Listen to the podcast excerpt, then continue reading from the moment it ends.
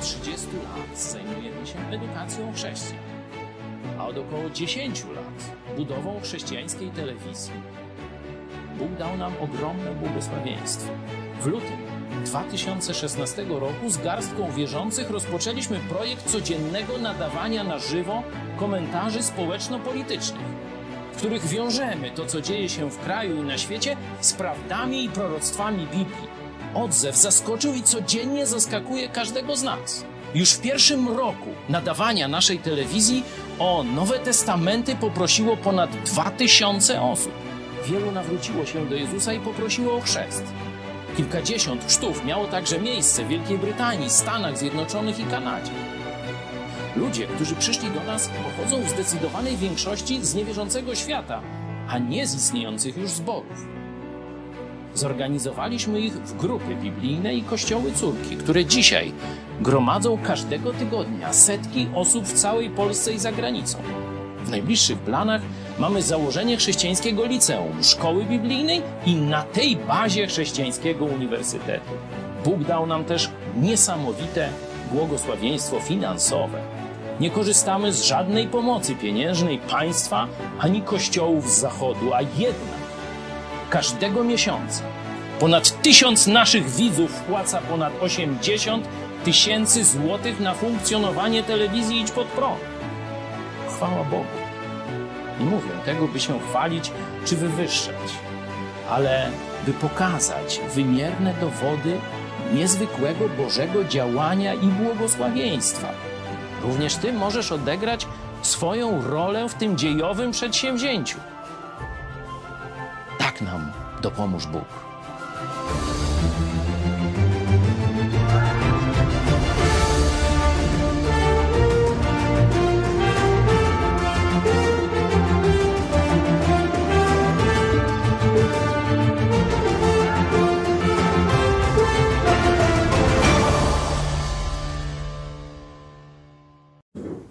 Dzisiaj właśnie o tym będziemy mówić, co jednostka, a raczej jednostki razem, ale każdy z osobna, bo każdy z osobna podejmuje decyzję, co będzie robił ze swoim życiem, co zrobi, w co je zainwestuje, gdzie spędzi czas. 52 dni wystarczyło, żeby odbudować całkowicie zniszczone państwo. Oczywiście to była tylko odbudowa polityczna. Za e, kilka minut przejdę do bardziej szczegółowego omówienia tego, jak to zrobić. Ale najpierw chciałem, żebyśmy dziękowali Bogu. Chciałem, żebyś też zrozumiał, że Bóg cię nie po to stworzył, żebyś zmarnował swoje życie i przeżył je w narzekaniu, że nic się nie da zrobić. Żebyś zbudował sobie tylko takie życie wokół siebie, tak jak kiedyś jak była w dobrej formie pani Szymborska, opisała takie życie, malutki los naparstkiem pić z dala od prawdziwych zgryzot, prawdziwych pocieszeń, prawdziwych wyzwań. To nie do tego Bóg cię stworzył. Bóg cię stworzył do wspólnoty ze sobą. Już sam fakt takiej, takiej destynacji, takiego celu stworzenia ciebie pokazuje, jak jesteś ważny. Jeśli Pan Wszechświata, ten, który stworzył najmniejszą część atomu, najmniejszego jakiegoś tam zwierzaka i tak dalej, i stworzył największy kosmos, który jeszcze nie sięgamy nawet okiem, on przerasta nawet nasze możliwości badawcze. Ten Bóg stworzył Ciebie, żeby z Tobą żyć w przyjaźni, żeby z Tobą rozmawiać, żeby do Ciebie mówić, żeby z Tobą razem coś robić. Z tego faktu wynikają wielkie zastosowania, jeśli chodzi o to, jak powinieneś przeżyć każdy dzień, jak powinieneś dzisiaj przeżyć ten dzień i następny, jak powinieneś przeżyć swoje życie.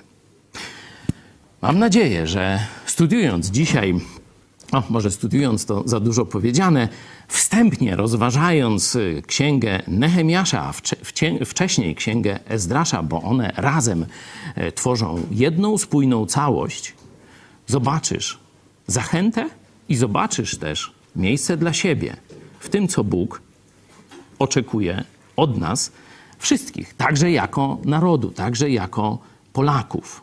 Bo e, takie myślenie, które staje się coraz dzisiaj bardziej powszechne, że co mnie obchodzi los narodu? Co mnie obchodzi los mojej ojczyzny? Bylem miał jakąś tam dobrą robotę znalazł, tam znalazł sobie, nie wiem, dziewczynę, chłopaka, e, miał jakiś dom i tak dalej. To się tak nie da. Sprawy innych, czy chcesz, czy nie, sprawy innych swojego narodu będą do ciebie wracać. Albo ty, jeśli zmienisz naród, będziesz tęsknił do tego, w czym zostałeś wychowany. No, bo naród to jest projekt Boga, to Bóg stworzył narody, stąd y, ma to na nas wpływ i nie uciekniemy od tego, że jesteśmy Polakami, chociaż niektórzy by nawet może i chcieli. Ale gdzieś to każdego z nas, kto wyjedzie na dłużej, e, gdzieś dopada ta tęsknota. Dlatego lepiej pójść za Bożym porządkiem, za Bożym planem i nie myśleć tylko o sobie, ale myśleć też o stanie swojego narodu. No a naród zbudowany jest w państwo. Tak jak rodzina też stworzona przez Boga, założona przez Boga, pierwsza rodzina, no też musi mieć jakieś, jakiś dom, jakiś namiot przynajmniej, szałas, jakieś swoje miejsce na ziemi. Tak naród musi mieć dobrze za, zarządzane państwo. Jeśli tego nie ma, no to tak jak w dziurawym namiocie, czy, czy w dachu, w domu, gdzie dach się zawalił i już tam podczas burzy woda po kostki w kuchni albo bo piec dymi, nie da się w domu oddychać, różne takie rzeczy. Oczywiście to można przerzucić na całe państwo. Chciałem, żebyśmy najpierw podziękowali Bogu za to, że w ogóle żyjemy. To, że oddychasz, że jesteś, że żyjesz, to jest dzięki Bogu. On cię stworzył, on podtrzymuje twoje życie. Nie wiemy, ile będzie podtrzymywał, ale to, że podtrzymuje, to jest jego zasługa. Za to możemy mu podziękować wszyscy, nawet jeśli ktoś nie podziela naszego zaufania Jezusowi Chrystusowi. Ale też chciałem, żebyśmy dziękowali za to, że Bóg połączył nas w Kościół, że dał nam możliwość wspólnej pracy. Za chwilę będziemy czytali o tym, jak właśnie ludzie połączeni przez Boga do wspólnego dzieła odmienili los narodu. Chciałem, żeby każdy z nas miał taką perspektywę. Nie tylko, żeby się nawrócił, powiedzmy, mój mąż, brat, siostra, mama, tu wstawcie swoich najbliższych. Nie tylko, żeby mój kościół tam miał no, jeszcze dwa razy więcej członków niż ma, nie? żebyśmy jeszcze mieli bardziej tam obfitą służbę i tak dalej. Tylko, żeby tak wpłynąć na, na nasz naród, żeby ten naród z Bożym błogosławieństwem zbudował państwo, w którym każdemu będzie naprawdę dobrze żyć. W prawie i sprawiedliwości, ale nie pod rządami prawa i niesprawiedliwości. Bo tak, powinna nastąpić zmiana nazwy e, partii rządzącej, ale to inna kwestia. Chciałem, żebyśmy teraz poświęcili kilka minut, powiedzmy na mediach społecznościowych, podzielmy się na grupy pięcioosobowe i e, poświęćmy na modlitwę w tych grupach pięć minut. My tutaj też Was zachęcam też przed telewizorami, żebyśmy dziękowali Bogu, że nas stworzył, że jest przy nas, ma co do nas jakieś plany, żebyśmy te plany umieli rozpoznać, żebyśmy my umieli nawiązać relację, którą On dla nas zaplanował. Tak przy okazji e, powiem, bo we wstępie też było o osobach, które nas wspierają. Tak, po raz kolejny, chwała Bogu, ten cel udało się zrealizować. Ponad tysiąc osób nas wspiera w miesiącu, który się wczoraj skończył. Mam nadzieję, że będę to mógł powiedzieć również za miesiąc. Także teraz przerwa na modlitwę, a potem wracamy do księgi Ezdrasza i Nehemiasza.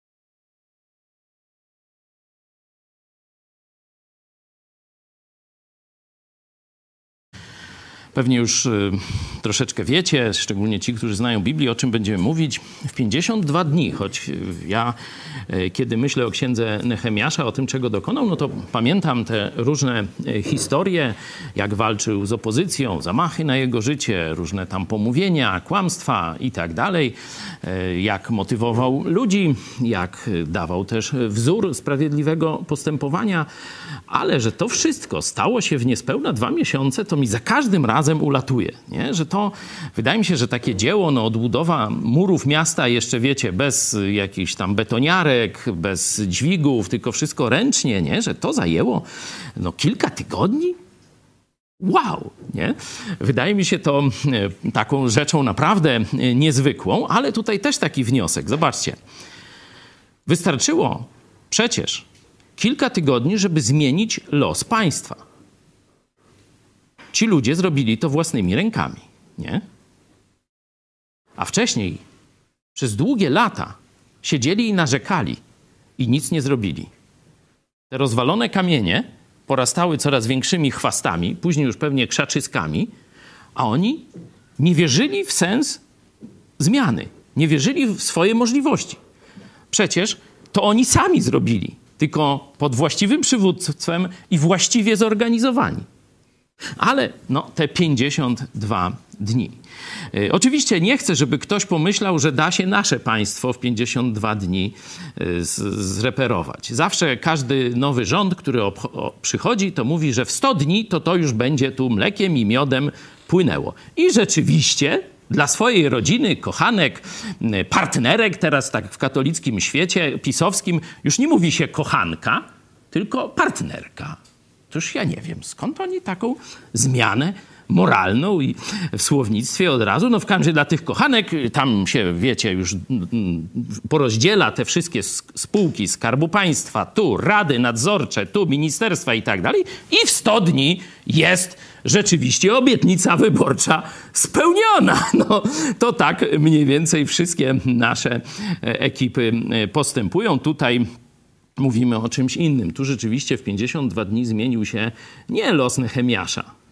To on tam, można powiedzieć, jeszcze stracił materialnie, czy, czy jeśli chodzi o jego pozycję na dworze, którą miał wcześniej, czyli naprawdę no, mniej więcej rolę porównywalną dzisiaj z premierem, e, pełnił najbliższy, zaufany e, monarchy, ten, który mu podawał, wiecie, kubek e, czy puchar z winem, najpierw go próbował, czy nie jest zatruty, czyli on poświęcał się, cały czas ryzykował swoim życiem, a no, imperator, jak już Nehemiasz łyknął, nie zaczął pianę toczyć, nie, nie, nie padł trupem, no to wtedy on pił czy jadł, nie? Miał funkcję podczaszego, jednocześnie no najbardziej zaufanego człowieka, władcy. Także no dzisiaj to tak by trzeba jako gdzieś mniej więcej jako premier, także on stracił.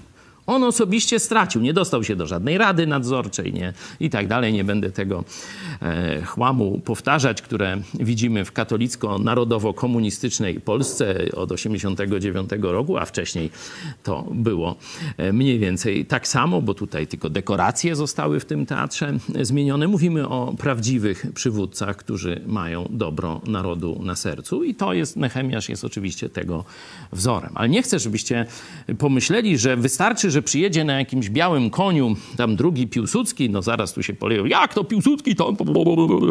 No to tam weźmy, no kto przyjedzie na białym koniu? No Grzegorz Braun, nie?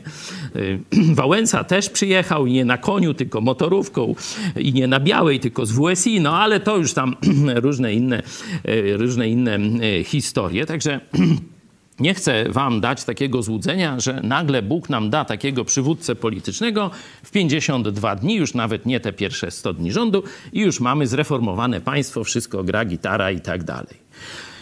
Bo rzeczywiście odbudowa państwa dla narodu żydowskiego, co oznaczało odbudowę murów stolicy, żeby mogła się bronić, żeby mogła odeprzeć wrogów, a w środku, żeby ludziom się żyło bezpieczniej, nie? bezpiecznie, żeby nie byli rabowani przez przeróżnych z zewnątrz. Nie? Niestety dzisiaj no to najwięcej nas rabują z wewnątrz. Nie? To tam niezależnie czy mamy mury, czy, czy nie mamy, to i tak Polakom się źle dzieje. Jeśli bym powiedział, że to się da zrobić, czy wtedy dało się zrobić w 52 dni, byłaby to nieprawda. Bo co jest przed księgą Nehemiasza? Możecie sobie otworzyć Biblię. Zobaczcie. Księga Nehemiasza. Ona tak pi razy oko w środku, no tak troszkę bliżej początku. Przed psalmami, jak sobie tam będziecie e, szukać, jest księga Nehemiasza. Nie? A zobaczcie, już macie pierwszą stronę księgi Nehemiasza. Co jest wcześniej? O, księga Ezdrasza. Ona dotyczy mniej więcej tego samego czasu. Żydzi, pomimo tego, że Bóg ich wielokrotnie ostrzegał, że Bóg wysyłał proroków, że Bóg zsyłał różne karcenie, różne plagi i tak dalej, żeby się nawrócili, żeby odrzucili fałszywe religie, które przejęli od innych okolicznych ludów, żeby przestali grzeszyć, także moralnie, nie tylko w tej przestrzeni oddawania czci e, Bogu. No oni wzruszali ramionami i szli jeszcze gorzej, jeszcze bardziej w zaparte. No i wtedy Bóg no, doprowadził swoje obietnice do końca, czyli ich wyrzucił z ich państwa. Dał temu narodowi wcześniej niesamowite błogosławieństwo, dał im państwo zbudowane, przygotowane, nad którym się nie trudzili, a potem ich z niego wyrzucił i dał to innym. Nie? I teraz mamy ten okres odbudowy. I jak widzicie, przed księgą Nehemiasza jest księga Ezdrasza. Nie będę jej e, dzisiaj ani jednej, ani drugiej szczegółowo e, czytał, ale powiem w takim uproszczeniu. Tu poproszę e, ten slajd, żeby to się wam też mm, no, jakoś w głowie zakodowało, że księga Ezdrasza, ona dotyczy odbudowy więzi z Bogiem całego narodu. Nie samego Ezdrasza, nie tam części narodu, nie elity narodu, tylko celem jest cały naród. Odbudowa więzi z Bogiem, czyli także posłuszeństwa, znajomości Boga i posłuszeństwa Bogu całego narodu. To jest cel tych ludzi, którzy, bo tu nie sam Ezdrasz, on ma e, oczywiście też e, pomocników w tym dziele, odbudowa więzi z Bogiem całego narodu. Księga Nehemiasza z kolei, następna, to jest odbudowa państwa dla narodu. Czyli zobaczcie, zanim te 52 dni, na których dzisiaj się skupimy, nastąpiły, to wcześniej nastąpiło dzieło. Możemy powiedzieć, ile ono tam lat, można to zbadać. Dzisiaj nie musimy, że tak powiem, w tych samych latach się poruszać. Dzisiaj z nami jest Duch Święty. Dzisiaj mogliśmy, możemy zobaczyć w dziejach apostolskich, jak na przykład całe narody są nasycane Ewangelią w ciągu dwóch lat, na przykład. Nie? Czyli tutaj ten um, sam czas Księgi Ezdrasza nie jest tak istotny. Istotna jest kolejność, że zanim odbudowano państwo, odbudowano więź z Bogiem narodu. I to, żeby każdemu, kto dzisiaj słucha tego, co mówię, żeby to zapadło w pamięć. Zanim będziemy mieli sprawiedliwe, bezpieczne państwo, musimy odbudować więź z Bogiem naszego narodu. Dlaczego mówię odbudować? Bo podobnie jak Żydzi, my też mieliśmy okres bardzo dobrych relacji z Bogiem Biblii. To było panowanie Jagielonów, to był złoty wiek Rzeczpospolitej. Wtedy rzeczywiście Biblia była praktycznie w każdym szlacheckim domu, jeśli nie fizycznie, to przynajmniej jej treści były żywo dyskutowane. Czy jest tak, czy śmak. A do tego była wolność. Każdy mógł czytać Biblię, każdy mógł ją interpretować, każdy mógł się gromadzić w kościoły, jakie chcieli. Takiej wolności jaka była w państwie naszych przodków, nie było wtedy nigdzie na świecie. Nigdzie na świecie. Nawet Węgrzy, choć zbudowali podobną enklawę wolności w Siedmiogrodzie. Nie? Jeśli byście zobaczyli w Genewie pomnik reformacji, tam będzie Siedmiogród, a niestety nie ma Polski. Na Węgrzech była wolność religijna, ale tylko dla czterech wyznań. O ile dobrze pamiętam, jeśli nie, to mnie poprawcie. Pozostali nie. A w Rzeczypospolitej była pełna wolność. na tamte czasy. Także my mamy do czego wracać. Wiecie, my nie y, przyjmujemy chrześcijaństwa rozumianego jako biblijne chrześcijaństwo, nie tam katolicyzm czy prawosławie. Nie przyjmujemy jako coś całkowicie nowego. Jak powiedzmy gdzieś w Brazylii, w Meksyku czy gdzieś, nie? Tam biblijne chrześcijaństwo jest całkowicie nowe, oni nie mają się do czego odwołać. My mamy w swojej historii okres, gdzie nasza elita rzeczywiście była blisko Boga, Boga Biblii, kiedy znała Pismo Święte, bo przypominam, że to sam Jagieło zlecił tłumaczenie Biblii na język polski. Tak zwana Biblia Królowej Zofii. To była któraś tam jego żona. Trzecia? Dobrze trafiam? Bo to tak z Henrykiem VIII to tak trudno trafić w te żony. Która? Czwarta. O widzicie, no i nie trafiłem. Królowa Zofia to na rozkaz króla, czy za zgodą króla, nieważne, to on decydował o tym, co się dzieje. Gdyby coś takiego zdarzyło się wtedy w wielu innych katolickich krajach Europy, to dla takiego kogoś byłby stos. A u nas była wolność. Także nie tylko później, już kiedy Luter i tak dalej, i dotarła do nas reformacja. My już wcześniej. Tu przykład Jagieły, przykład lokalny, bo myśl globalnie działa i lokalnie. Nie? Biernat z Lublina to co? Sroce wypadł spod ogona? Już przed Lutrem, kilkadziesiąt lat, głosił bardzo podobne rzeczy. I takich przykładów mógłbym jeszcze mnożyć, ale umówiłem się na czas wakacji, że się będziemy w godzinę wyrabiać, tak, że ja mam ciężkie zadanie, bo mógłbym gadać i gadać, ale może to jest i dobrze, że nie mogę aż tyle. Dobra. Księga Ezdrasza to odbudowa więzi z Bogiem całego narodu. Weźmy tylko dwa wersety. Y, werset szósty to jest główny cel, ten materialny, czyli odbudowa świątyni. Oni mają niezorganizowane życie z Bogiem. A Bóg nakazał, żeby ono było w pewien sposób zorganizowane. Czyli pierwszy ten, jak gdyby, pierwsze zadanie Ezdrasza, to w tym wymiarze, można powiedzieć, socjologicznym, to była odbudowa świątyni, odbudowa organizacji ludu Bożego. Przeczytajmy. I dokończona została ta świątynia trzeciego dnia miesiąca Adar, w szóstym roku panowania króla Dariusza. Po to pojechał, zaczął i co zrobił? Dokończył. Nie? To jest dla nas pierwsze zastosowanie. Jak zaczynasz, to dokończ.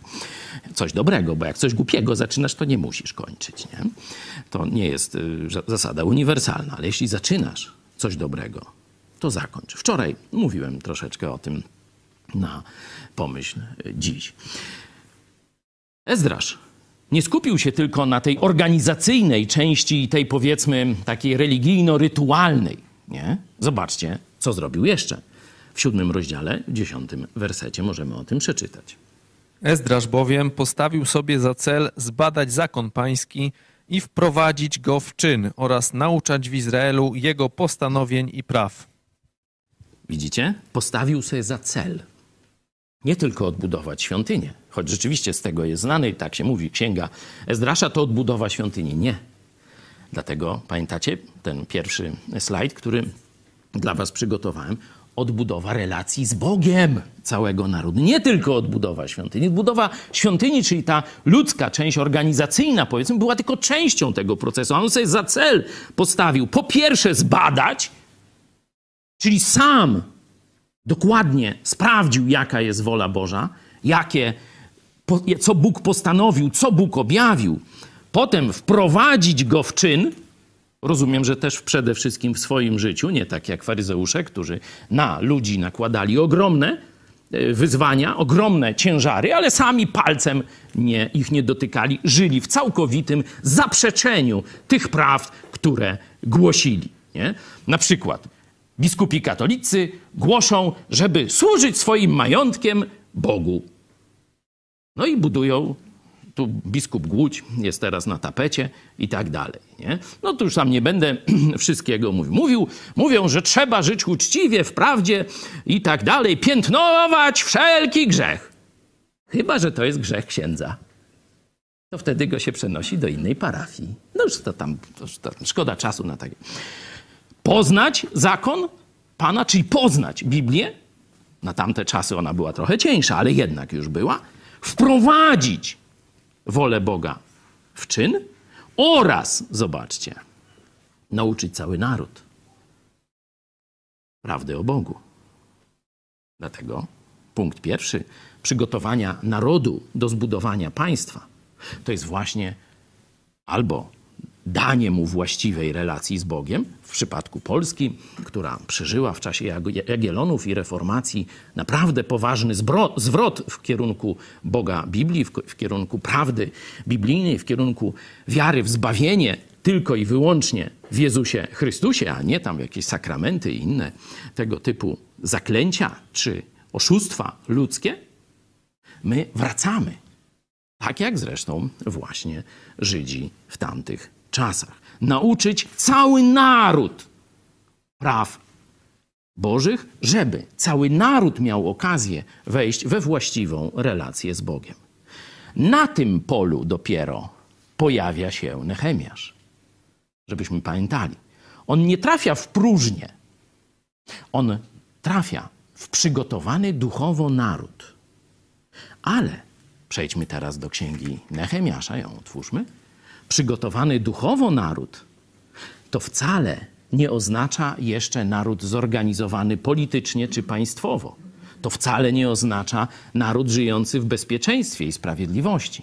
Zobaczmy, kiedy on na dworze cesarza, będąc, przyjmuje posłańców z Jerozolimy. Świątynia odbudowana, lud już zna wolę Boga, zna Biblię tamtych czasów. A jak wygląda jego życie polityczne? Proszę, przeczytajmy. Trzeci, czwarty werset.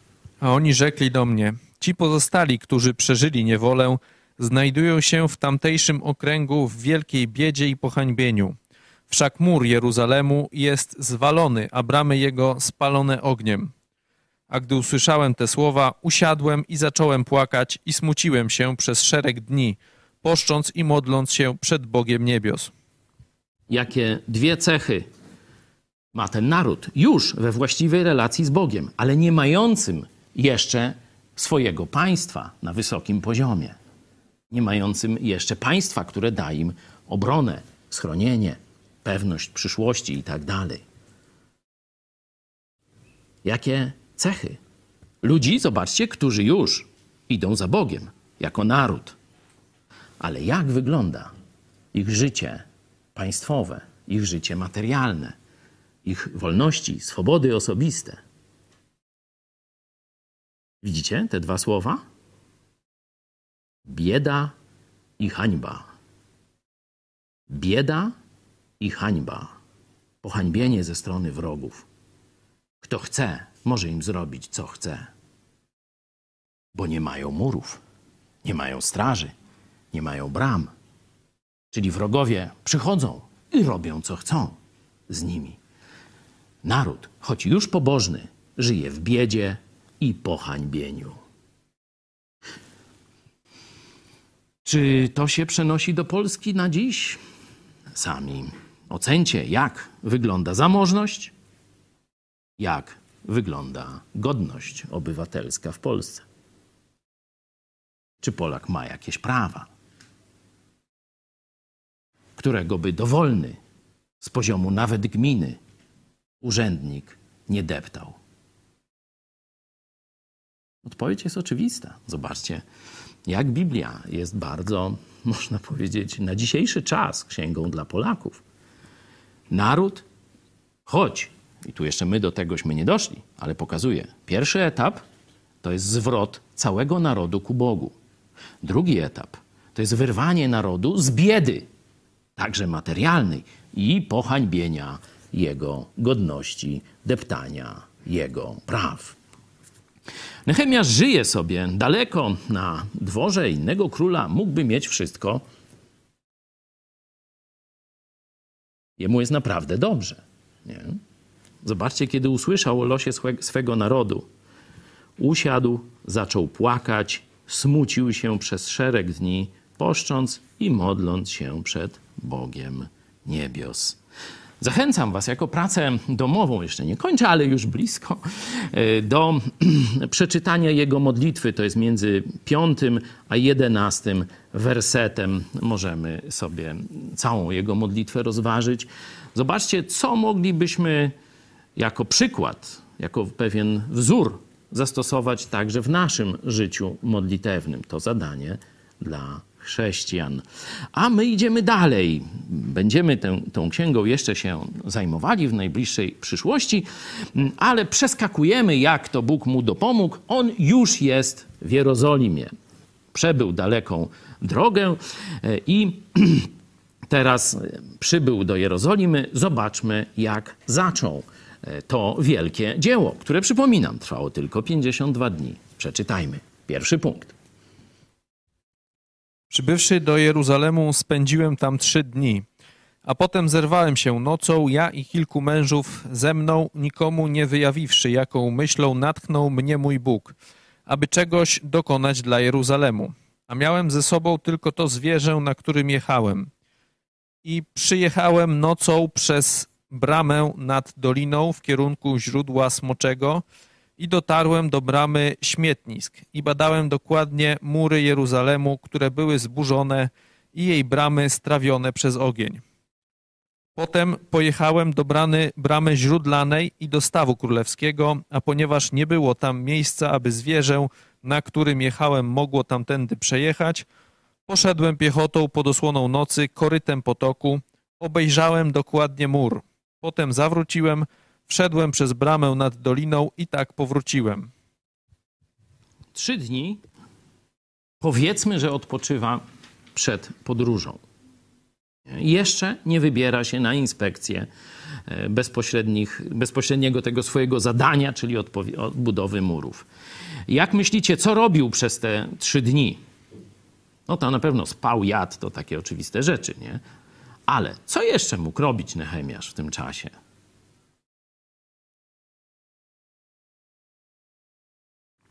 Ja zakładam, że gadał z ludźmi, że dowiadywał się, jakie jest myślenie jego rodaków. Dlaczego oni do tej pory nie wzięli się do pracy, żeby to odbudować? Jakie mają blokady mentalne? Co, skąd ta niewiara w sukces i tak dalej? No, poznał przez te trzy dni, można się dość dużo nagadać. Nie? E, mam nadzieję, że i teraz Bóg nam też da niebawem taki czas. Potem idzie nocą, nikomu nic nie mówi. To jest dość ciekawe, ale to bardziej dotyczy już takiej techniki e, przewodzenia. Zobaczcie, nie mówi za wcześnie. O, przyjechałem, odbudujemy, e, co ty, nie da się i tak dalej. Nie?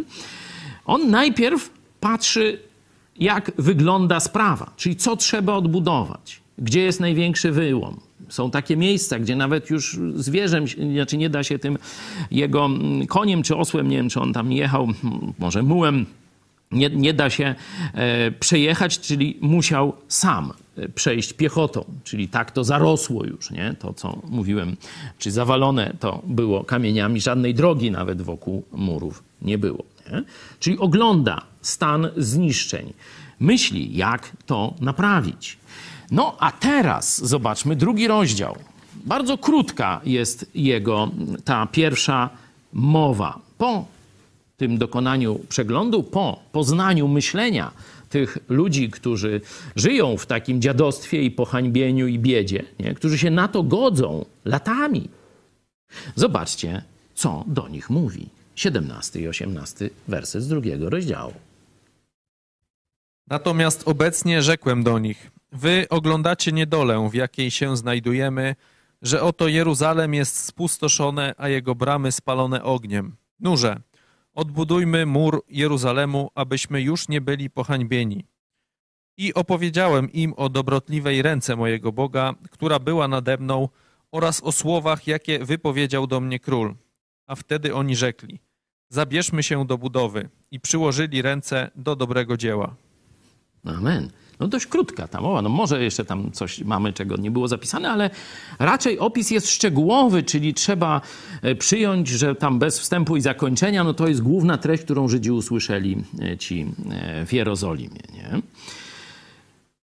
Zobaczcie, najpierw no, odwołuje się do ich doświadczenia. Przecież to jest wasze doświadczenie. Wy wiecie, w jakiej niedoli i pohańbieniu tu żyjemy. Zobaczcie, utożsamia się z nimi. Nie, nie mówi żyjecie, tylko żyjemy. Nie? Że on, choć mieszka na dworze, choć wiecie, jest bardzo, bardzo wpływowym człowiekiem, to utożsamia się ze swoim biednym narodem i mówi, e, abyśmy już nie byli pohańbieni. Wy oglądacie niedolę, wy to przecież doświadczacie każdego dnia w kontakcie z urzędnikiem, w kontakcie ze stacją benzynową, która w rzeczywistości jest miejscem poboru bardzo, bardzo wysokich podatków, bo pewnie wiecie, nie? już teraz coraz więcej ludzi wie, że po to jest państwowa ta firma i po to są te akcyzy i podatki i tak dalej, żeby nas okradać. Kiedy jedziesz tankować, to połowę tych pieniędzy od razu rząd ci zabiera. Nie? Coraz więcej ludzi o tym wie. Coraz więcej ludzi zaczyna rozumieć, jak na przykład system ubezpieczeń społecznych jest niesprawiedliwy. 40 lat płacisz horrendalne stawki, a potem dostaniesz głodową emeryturę. Albo nie dostaniesz. Co to za interes? Gdyby Polacy zbierali te pieniądze na koncie przy jakimś niewielkim oprocentowaniu, te, co zabiera nam państwo w postaci ZUS-u, to byśmy byli bied- bo- bogaczami. Ktoś kiedyś liczył o tych butelkach piwa. Nie, jakby je tylko gromadzić i, i sprzedać później za te pieniądze, które dajemy, to, to jakby tylko sprzedał butelki z tego piwa. Całe życie by pił hektolitry piwa, a potem, ja nie namawiam do takiej perspektywy, a potem by sprzedał butelki, to miałby więcej pieniędzy niż z tego, z tego złodziejskiego przymusu ubezpieczeń społecznych. Nie? No to mniej więcej każdy rozgarnięty Polak już trochę zaczyna jarzyć. Nie, nie wszyscy. Nie, większość to jeszcze ta, co głosuje na PiS, to myśli, że państwo ma tam na drzewiach liście i je tam zrywa i rozdaje te różne 500 plus, bony, 13 czy 16 emerytury i tak dalej. Nie, nie, nie, nie kojarzą. Były jakieś badania, nie pamiętam, ktoś może mi pomoże, ile Polaków wie, że płaci podatki. Chyba tylko 80%. 20% to myślę, że oni w ogóle żadnych podatków nie płacą. Nie? A później jeszcze jest, wiecie, czym bardziej w ekonomię i zarządzanie państwem wchodzimy, to jest jeszcze gorzej. Nie? Mówię, 20% Polaków, czyli co piąty, nie? to w, w twojej rodzinie jeden statystycznie, czyli są rodziny, które całe w ogóle nie wiedzą, że płacą jakiekolwiek podatki. Nie? Oni nie rozumieją, że idą, kupią, kupią bułkę, kupią, tak jak powiedziałem, paliwo i tak dalej, buty se kupią, to zawsze płacą podatki. Oni tego nie wiedzą, to do nich nie dociera. No, normalnie. Nie?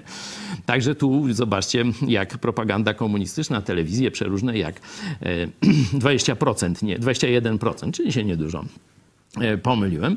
E, zobaczcie, że jak propaganda komunistyczna, która do dzisiaj sprawnie działa także w rządowej telewizji, pierze nam umysły. I ludzie są kompletnie jak w jakiejś mgle, jak dzieci we mgle. Wy wiecie, w jakiej niedoli i pohańbieniu jesteśmy. Wy najlepiej wiecie, bo to na wasze plecy spadają te baty. To wy niesiecie te ciężary. Czyli pierwszy apeluje do ich doświadczenia. Zrozumiał je, poznał, płakał nad nim, smucił się, pościł, modlił się i tak dalej. Dalej, opowiada im o Bogu. Opowiada im o Bogu, który czyni cuda, o wszechmocnym Bogu. Nie takie cuda e, rozumiane, jak na przykład Jezus robił, bo to było coś niezwykłego, nie? że tam rozmnożenie jedzenia, uspokojenie e, tam wody, czy wzbudzanie zmarłych. To chodziło o cuda polegające na błogosławieństwie, które, że tak powiem, w którym się otarł śmierć. Bo on przyszedł do króla z pucharem wina, a był po tych wielu dniach postu, modlitwy, smutku. Wyglądał najgorzej w swoim życiu. I w tym momencie król mógł, że tak powiem, się go pozbyć. A on, jeszcze tuż przed podaniem tego kielicha, jeszcze raz zawołał do Boga: Boże, daj błogosławieństwo. Niech mi się to uda czego pragnę, o co Ciebie proszę. I w tym momencie Bóg właśnie dokonuje tego cudu, odpowiedzi na jego modlitwę. Mogło być inaczej. Mógłby tam pójść gdzieś do piachu, a tu byłby ktoś na jego miejsce. A król mówi: idź. Szybko się z tym, że tak powiem, rozpraw z tym zadaniem, bo ja tu ciebie potrzebuję. Tu mi jesteś potrzebny. Ale rozumiem, wiem, jakim jesteś człowiekiem, znam cię od lat, mówię, myślenie tego króla. Jeśli chcę mieć z ciebie pożytek, to muszę załatwić powodzenie dla twojego narodu. No i go wysyła ze wszystkim, co potrzebne. I on tym Żydom to opowiada. Zobaczcie, to jest ten czas. Bóg zaczął działać. Bóg już rozpoczął to dzieło. Bóg dał błogosławieństwo przez to, że ja tu jestem i mam kwity na to, że wszystkie królewskie dobra będą teraz służyć, co będzie potrzebne. Belki, stal. No teraz to jest gorzej, bo tam ceny wzrosły, ale on ma glejty, że wszystko ma być dostarczone do odbudowy murów i bram. Pokazuje im już działanie Boga. Bóg już błogosławi. Bóg już zaczął. Teraz czeka, żebyś ty się dołączył, żebyś ty rozpoznał działanie Boga i stanął we właściwym miejscu przy odbudowie muru. Mówi im też o e, tym, co zrobił tam król i tak dalej. Mówi: zabierzmy się do budowy. A oni odpowiadają: tak, zabierzemy się do budowy.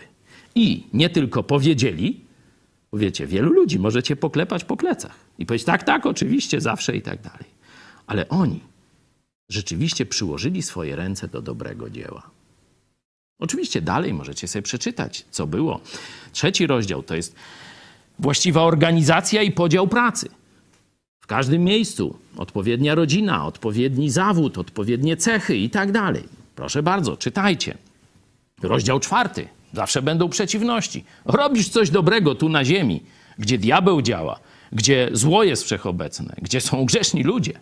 No to musisz mieć przeciwności. To jest oczywista oczywistość. Jak uporali się z przeciwnościami? Jak obronili się przed wrogami? Rozdział piąty to jest z kolei naród musi mieć wzór, elity, nie, które swoje kochanki, w, wiecie, wsadza i żeby zarabiały po 30 tysięcy miesięcznie. Jeden w rajstopach, drugi gdzieś w radiu, y, tutaj świętokrzyskim czy gdzieś tam, nie? Patrzę tu na jednego z Kieleckiego i tak dalej. Akurat ona jest na topie, no to co znaczy na topie? Na topie to ją jej kochanek, że tak powiem, pokazał. Jak, jakiej formie ta moja, jak ona tam?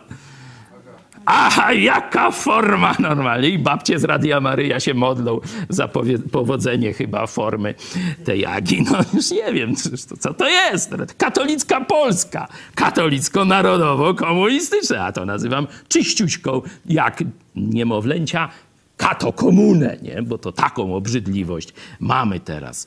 Piąty rozdział to jest wzór, jakiego naród potrzebuje od swojej elity politycznej.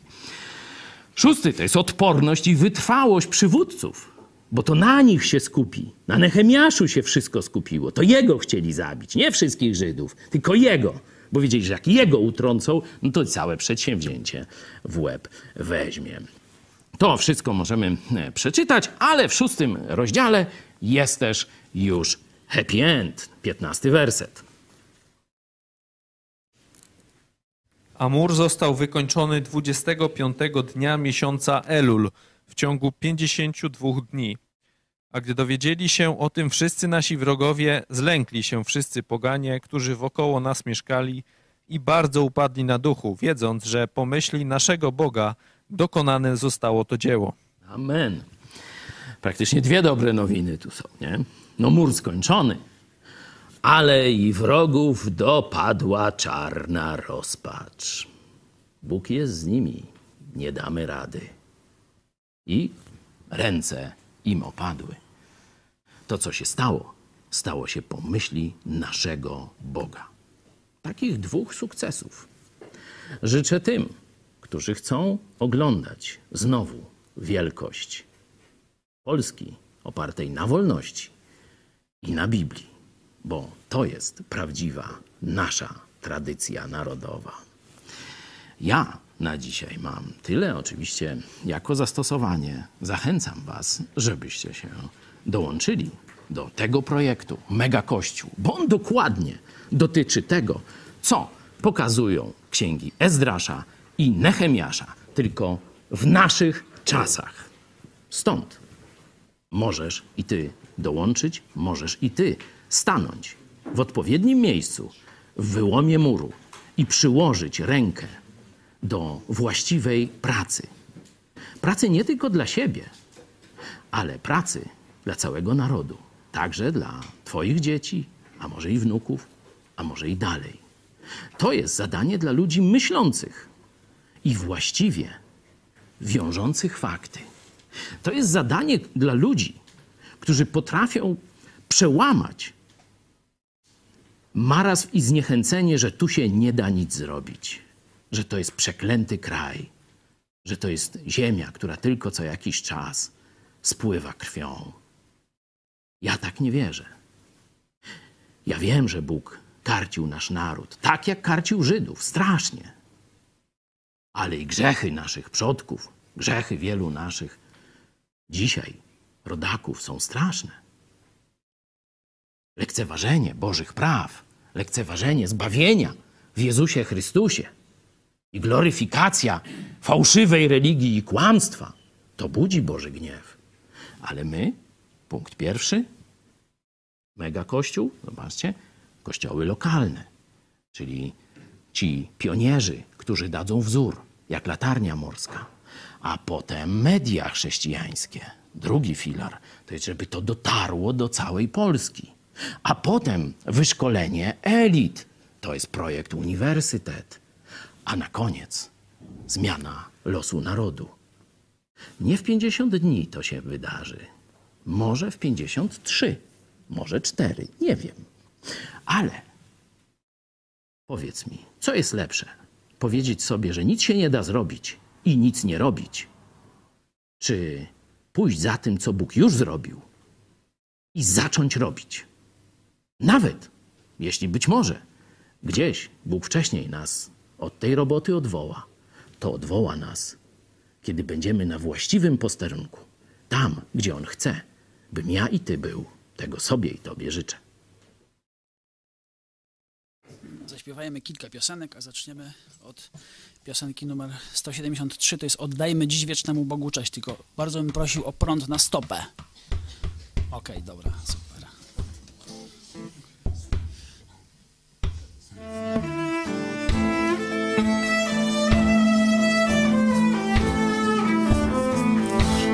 Oddajmy dziś Oddajmy dziś wiecznemu Bogu cześć. wiecznemu Bogu cześć. Niech nasze serca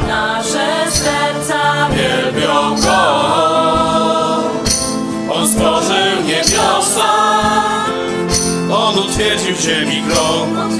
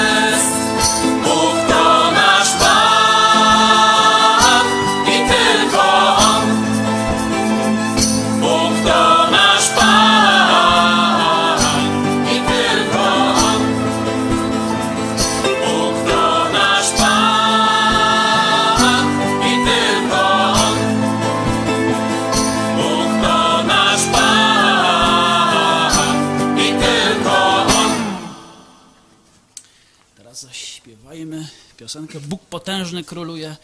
Jemu chwała i cześć to jest numer 189.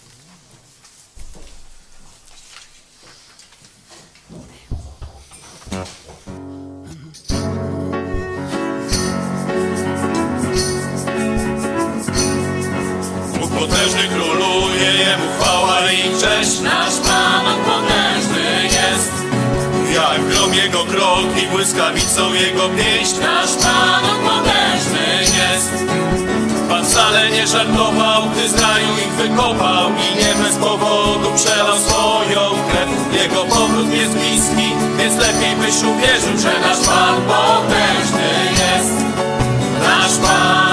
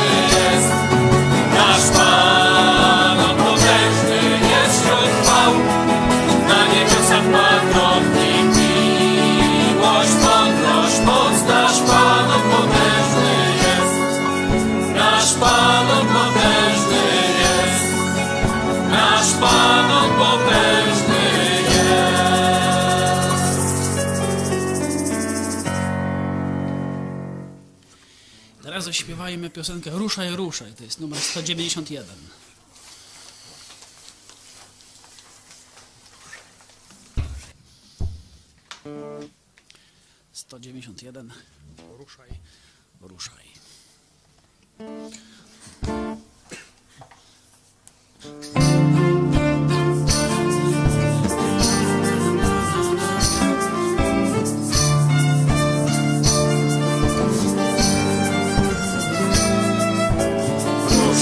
ruszaj, ruszaj tam, gdzie ziemię obiecaną daje Ci Pan.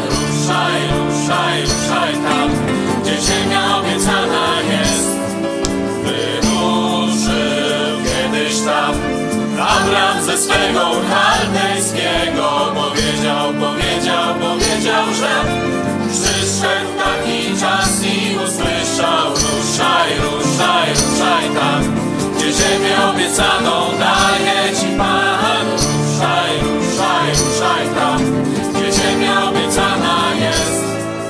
Już czekasz tyle lat By zacząć z Bogiem żyć prawdziwie uwierzysz, bo wierzysz, że przyjdzie taki czas.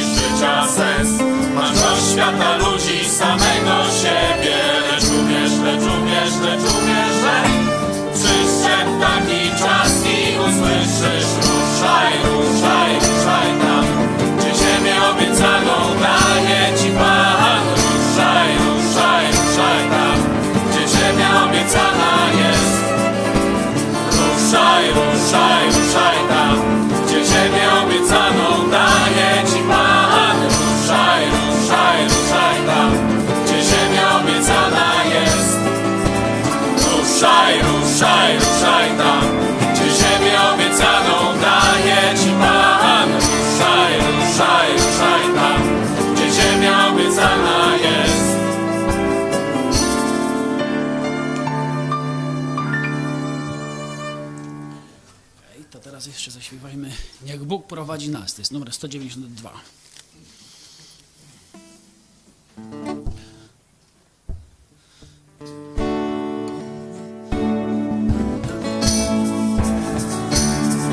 Niech Bóg prowadzi nas, Jego armia z wrogiem idzie w tak.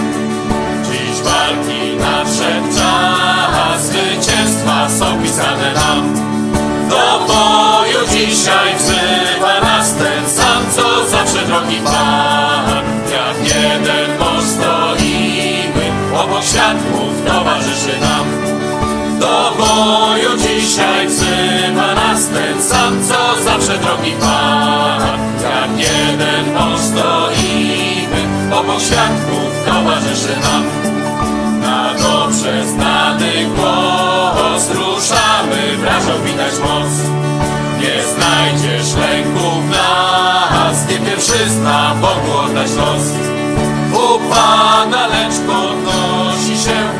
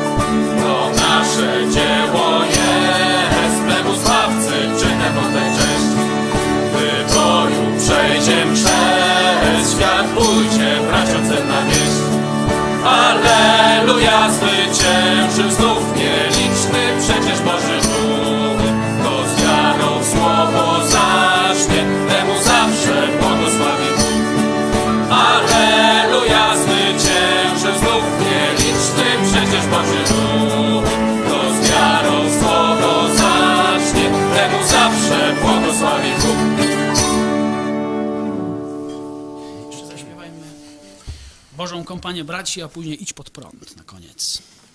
Boża kompania braci to jest numer 199.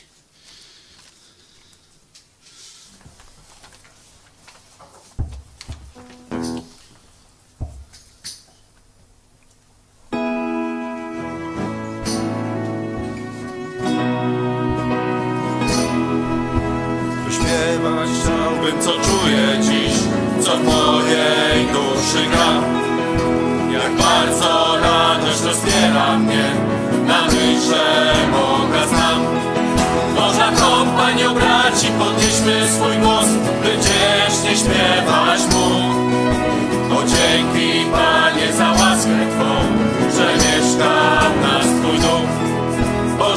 Kompanio braci, podnieśmy swój głos, by wdzięcznie śpiewać Mu. O dzięki Panie za łaskę Twą, że mieszka w nas Twój duch. Dookoła popatrz na braci swych, na dobrze znane twarze. Gdy Pan powróci, pójdziemy z Nim po wiecznym korytarzem. Boża kompanio braci, podnieśmy swój głos, wdzięcznie śpiewać Mu.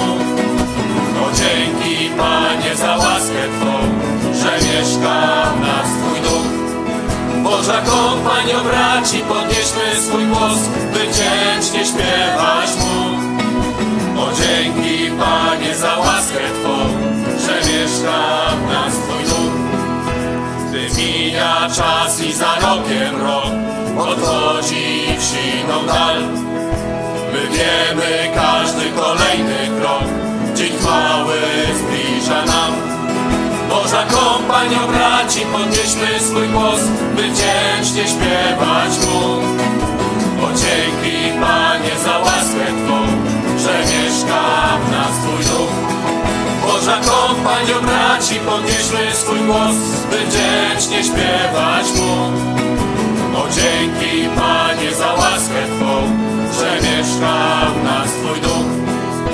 Wesele blisko i przyjdzie czas, gdy zasiądziemy z Panem. Więc wielka radość rozpiera nas, bo zaproszenia kompanio braci, podnieśmy swój głos, by wdzięcznie śpiewać Mu.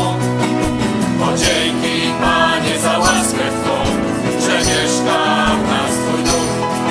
Boża kompanio braci, podnieśmy swój głos, by wdzięcznie śpiewać Mu. Bo dzięki Panie za łaskę Twą, że mieszka w. Boża kompania braci, podnieśmy swój głos, by wdzięcznie śpiewać Mu. Bo dzięki Panie za łaskę Twą, że mieszka w nas Twój. No i na koniec zaśpiewajmy jeszcze Idź pod prąd. To jest numer 197.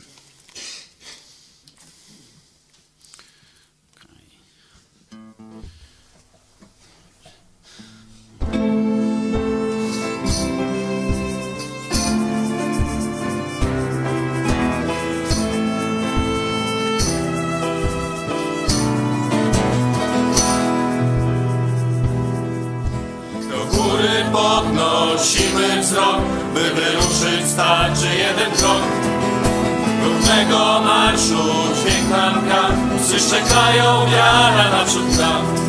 Kto w Jezusa wierzy, przyjacielem nam, nigdy pośród braci nie zostanie sam. To na ruder tego gryzą psy. W Jezusa wierzy, przyjacielem nam, nigdy pośród braci zostanie sam. To ma ruder tego, gryzą psy. Chciałby pojąć nas ten cały świat i zazdrości nam za grzechu kar. Nienawidzą jedni i kochać chcą, to jedno my mówimy wciąż. Na Golgocie przelał Jezus krew i odwrócił od nas słuszny Ojca gniew.